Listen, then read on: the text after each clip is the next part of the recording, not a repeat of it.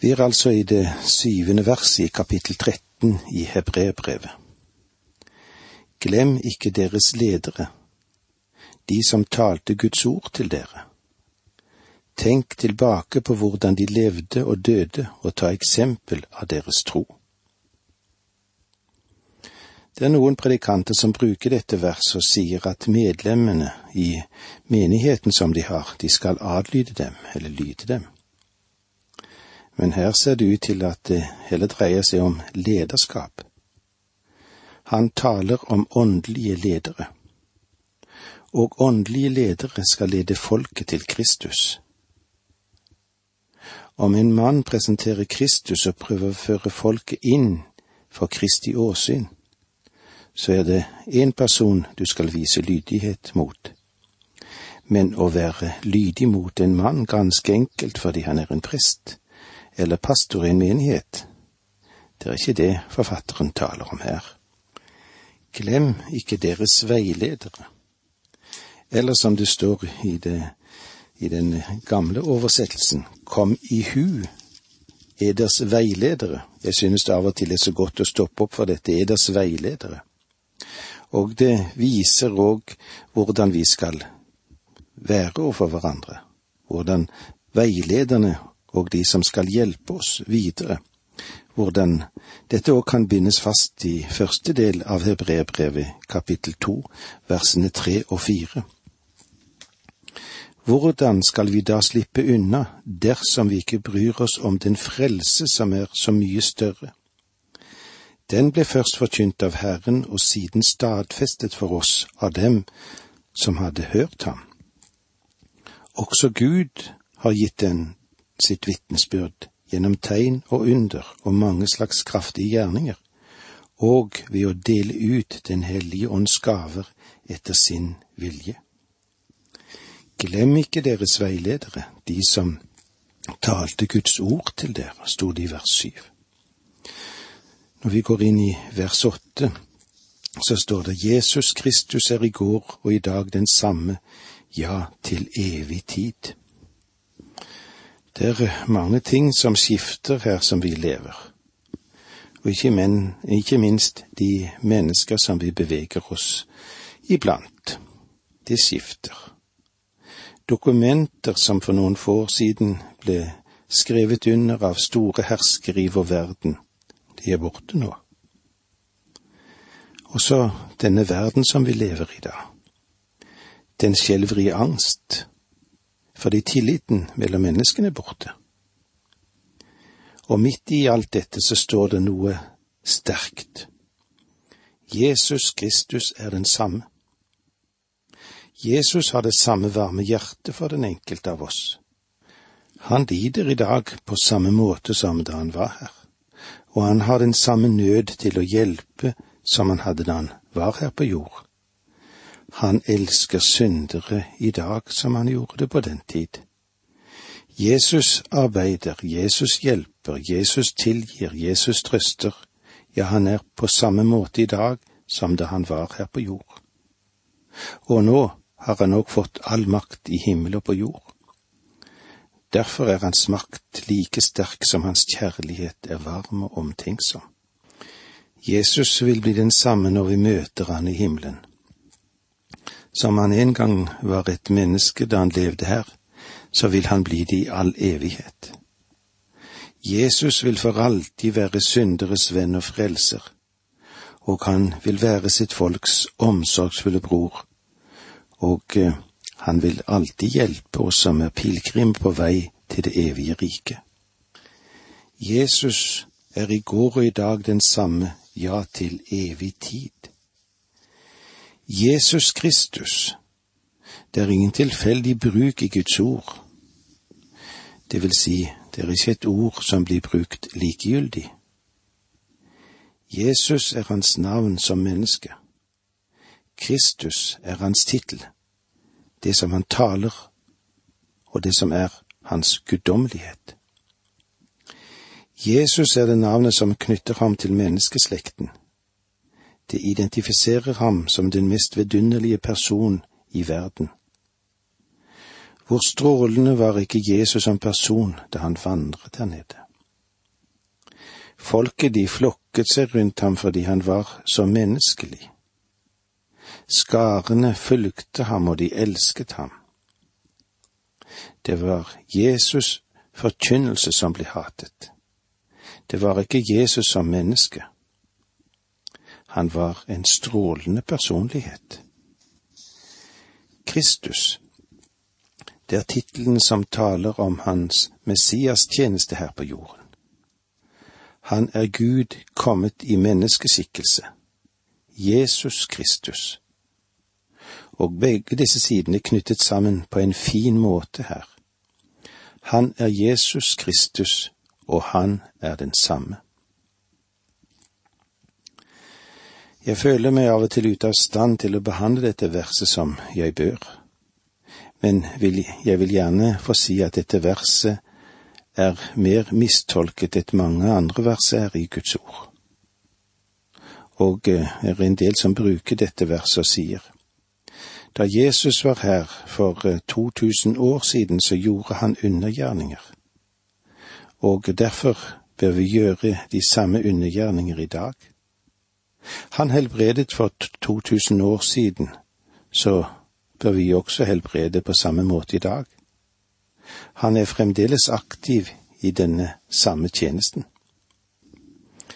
Jesus Kristus er den samme, men forstår vi hvordan han er den samme? Han er den samme i sin karakter, i sin person, og når det gjelder sine egenskaper, men han er ikke den samme når det gjelder sted og aktivitet. Når eh, folk besøker Israel i dag, så går det ikke an å se han der. Det er eh, ganske få vitnesbyrd om at han hadde vært der i landet. Men for snart 2000 år siden så var han i Betlehem som et lite barn. Men han er ikke lenger et lite barn. Han er ikke lenger i Betlehem. Senere, da han var gutt, så lekte han i Nasaret. Det er mange som har gått i gaten i Nasaret, men ingen ser ham der. Han kan se mange smågutter, men han var ikke en av de. Noen år senere så var det en mann som vandret gjennom landet. Han helbredet i sannhet. Det går an å være i Jerusalem og se på Golgata, men det finnes ingen kors der. Han er ikke på et kors i dag. Hele tanken i dette brevet er at han nå sitter ved Guds høyre hånd. Hovedsaken i det vi taler om her, er dette. En slik øverste prest er det vi har, og han har satt seg på høyre side av majestetens trone i himmelen, som det står i Hebreabrevet 81. Og vi skal se hen til Jesus, troens opphavsmann og fullender, Hebreabrevet 12,2. Han fullbyrdet vår forløsning for ca. 2000 år siden, og han satte seg ved Guds høyre hånd. Og nå er han der oppe, men en dag skal han komme som konge til jorden for å opprette sitt rike. Han har ennå ikke kalt sin menighet ut av verden, men en dag, en dag skal han gjøre det. Du forstår at Jesus er ikke den samme når det gjelder sted og aktivitet, men han er den samme når det gjelder egenskaper. Da han var her for ca 2000 år siden, så var han Gud som kom ned til vårt nivå. Når en besøker vårt Israel og har tenkt over den, den sannhet, så har kanskje det undret mange vandrer her på jord. Han kom til et sted der det ikke var så stor rikdom og prakt eller staselige seremonier. Han kom ikke til Rom, som var senteret for makt og styring. Han kom ikke til Aten, hvor det store kulturelle senteret var. Han kom til en ubetydelig utpost i det romerske imperium, og han kom som et vanlig menneske og på menneskers nivå. Det er kanskje fordi vi ofte er redd for at vi skal bli misforstått når vi taler om Kristus som menneske, at vi ikke understreker det slik som vi burde ha gjort. Vi understreker i stedet hans guddommelighet, og det er nok sannelig behov for det. men i sin menneskelighet tror jeg at Jesus var det mest tiltalende mennesket som noensinne har vandret på denne klode. Ikke fordi han var Gud, men fordi han var et virkelig menneske, en reell representant for menneskeslekten, menneskesønnen. Og det var så langt vi kom i dag. Takk for nå, må Gud være med deg. Dette undervisningsprogrammet består av to deler. Åge Nevland fortsetter nå med andre del av dagens undervisning. Vi er i Hebreerbrevet i det trettende kapitlet, og vi er i det åttende verset. Og det vi har gått inn i her, er de troende sosiale liv, men vi kan òg si advarsel mot falsk lære. Det er jo så lett å bli hengt opp i lære. Jesus Kristus er i går og i dag den samme, ja, til evig tid, står det i vers 8 i kapittel 13 i Hebrebrevet. Jesus, det er jo navnet hans, og Kristus er tittelen. Jesus Kristus er i går og i dag den samme, ja, til evig tid. Det er vel bare Jesus det kan sies om at han er i går og dette forteller oss det tidløse, det evige hos Gud og hos Guds sønn, han som kom inn i vår tid, inn i tiden, som er i går og i dag, ja, til evig tid den samme. Tidene, de kan jo skifte, men Jesus Kristus, han er uforanderlig, han er den samme. Og i sammenhengen betyr det at han er den samme som da han var veiledere og talte Guds ord første gang, og det vil han fortsatt være, som han var i begynnelsen. Jesus Kristus er i går og i dag den samme, ja, til evig tid. Har du noen gang undret deg over hvorfor så store menneskemasser kjente seg så tiltrukket av Jesus, og at de fulgte ham? Han var jo streng, men samtidig mild. Så mild at de små barna kom til han. Men han kunne òg drive pengevekslene ut av tempelet så de sprang og gjemte seg, fordi han var mann nok til å drive de ut. Han var også tiltalende. Han har det vi kaller i dag for karisma. Folket fulgte ham fordi de elsket ham, og de visste at når de var i nærheten av ham, så var de i sannhet nær en mann av en personlighet. I Kapernaum helbredet han en spedalsk, og så måtte han skynde seg bort fordi mengden presset på rundt ham, så ikke han engang fikk fortsette sin tjeneste. Selv tollere og syndere kom til ham og det ergret de religiøse lederne noe aldeles forskrekkelig. Om han hadde kommet til din by i dag, så nøler jeg nesten med å si, jeg tror ikke han ville ha besøkt kirkene våre i første omgang. Jeg har en følelse av at du ville finne ham der menneskene er. Han ville ha blandet seg med folket der de beveger seg, enten det måtte være i gågater eller i storsenter eller på torgene, eller kanskje hatt kontakt med et barn eller to. Da han dro til Jeriko ved slutten av sin tjeneste, så ser vi at mengden av mennesker var så stor at den lille Sakkeus måtte klatre opp i et tre for å være i stand til å se ham.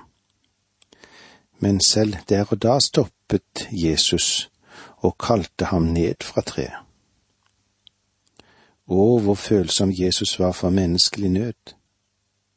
Hvor vidunderlig han var som menneske betraktet. Har du møtt Jesus slik du? La meg være litt forsiktig med å si det som nå kommer. Det var Kristi person som appellerte til dem. Det var ikke hans lære.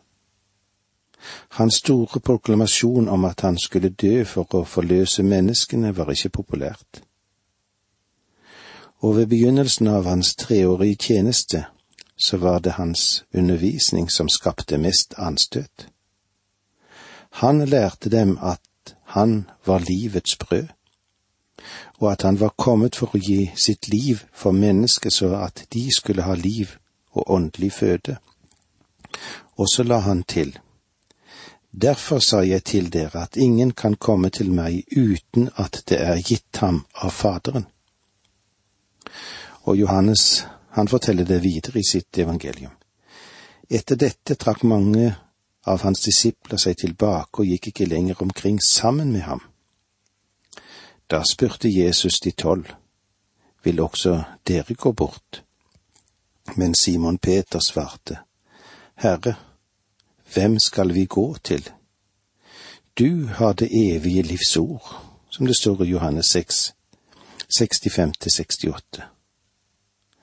Antallet mennesker som fulgte ham, den skrumpet inn og bare de tolv sto sammen med ham. Hvorfor? På grunn av hans undervisning. Og faktisk anklaget Simon Peter ham da han talte om den død som ventet ham. Gud fri deg, Herre, dette må ikke hende deg, står det i Matteus 16, 22. Selv hans lojale disipler likte ikke denne tale. Når mennesker kom i kontakt med den Herre Jesus, møtte de nåde og sannhet. De fant mildhet og styrke. De fant ydmykhet og majestet. De fant lys og kjærlighet. Han appellerte til mennesker, men da han døde på et kors, ble korset et anstøt. Og korset, hvordan er det med korset i dag? Korset er fremdeles et anstøt. Men Jesus, han er tiltalende. Jesus er attraktiv. Det sies at da Savonarola stilte seg frem for store folkemengder i Firenze og sa Vær frie, da hyllet de ham. Men da han sa til dem Vær rene, hva skjedde da? Da drev de ham ut av byen. De vraket hans lære når han ikke appellerte til dem. Og Jesus sa til menneskene, Dere må vende dere fra synden. Dere kan ikke leve i synd. Jeg er kommet for at dere skal bli fri, men jeg må gi livet mitt for dere, og dere må komme til meg som syndere. Og syndere kom når de var som mest desperate, så kom de til ham. Og jeg tror at det er den eneste måten vi vil komme til ham på også i dag, ja, det er slik. Jeg skulle ønske at jeg kunne presentere ham slik han var for 2000 år siden da han kom hit til jord. Han må ha vært en vidunderlig person. Hvor godt er det ikke å vite at din sorg er hans sorg, din glede er hans glede. Han vil være den samme i fremtiden, den samme i går, i dag og for alltid. Han kommer aldri til å forandre seg, og en dag skal vi være sammen med ham. Det blir en stor dag. Han er et vidunderlig menneske og frelser, og alle sammen burde lære å kjenne ham. Du burde lære å kjenne ham. Paulus, som etter hvert lærte ham å kjenne, fant at selv i slutten av sitt liv så ønsket han å lære Jesus bedre å kjenne. Han sa, slik som det står i Filippensebrevet 3.10, så jeg kan kjenne ham og kraften av hans oppstandelse. I dag har jeg et stort ønske eller ambisjon, og det er å lære å kjenne ham og få ut hans ord, bringe det ut slik at mange kan få del i dette. Jeg kan ikke tenke meg noe bedre i livet. La oss gå litt videre i dette kapittel, kapittel 13, og vi leser i vers 9. La dere ikke drive med av all slags fremmede lærdommer, for det er godt at hjertet styrkes med nåden. Ikke ved mat, for de som holder seg til dette, har ikke hatt noe nytte av det. Det er overraskende at de, de fleste av dagens kulter går inn for spesielle diettforskrifter. Jeg tror at mat er viktig av det som har med kroppens helse å gjøre, men det har ingenting å gjøre med vårt forhold til Gud. Paulus skrev det slik i første Korinterbrev 8,8. Men mat fører oss ikke nærmere Gud. Vi vinner ikke noe om vi spiser, og vi taper ikke noe om vi lar det være. Og det er det som sies her. Du har ikke nytte av det. La deg ikke dra til disse fremmede kulter. Der lærer de om dine dietter, seremonier og ritualer. Og kanskje små studiegrupper er ment til å skulle skape de om til en slags superhelgen. Ingenting i verden ville kunne bygge deg opp slik som Guds ord gjør det. Guds ord, ja, Guds ord vil bygge deg opp. Om eh, du får lov til å bygge deg opp, hva skjer da? Jo, da blir du ført nærmere Kristus. Og bare Den hellige ånd kan ta det som hører Kristus til, og gjøre det levende både for deg og for meg. La oss gjenta, han er i går og i dag den samme, ja, til evig tid, og hans ord, de tar aldri slutt. Som fjellet står urokkelig fast midt i fossen, slik er det med Jesus, han står midt imellom oss, og han vil hjelpe oss, også når vi skal inn på den siste vandringen på veien inn til livet gjennom døden. For så høyt har Gud elsket verden, at han ga sin sønn den eneste, for at hver den som tror på ham ikke skal fortapes, men ha evig liv. Og eh, med disse ordene sier vi takk for nå, må Gud være med deg.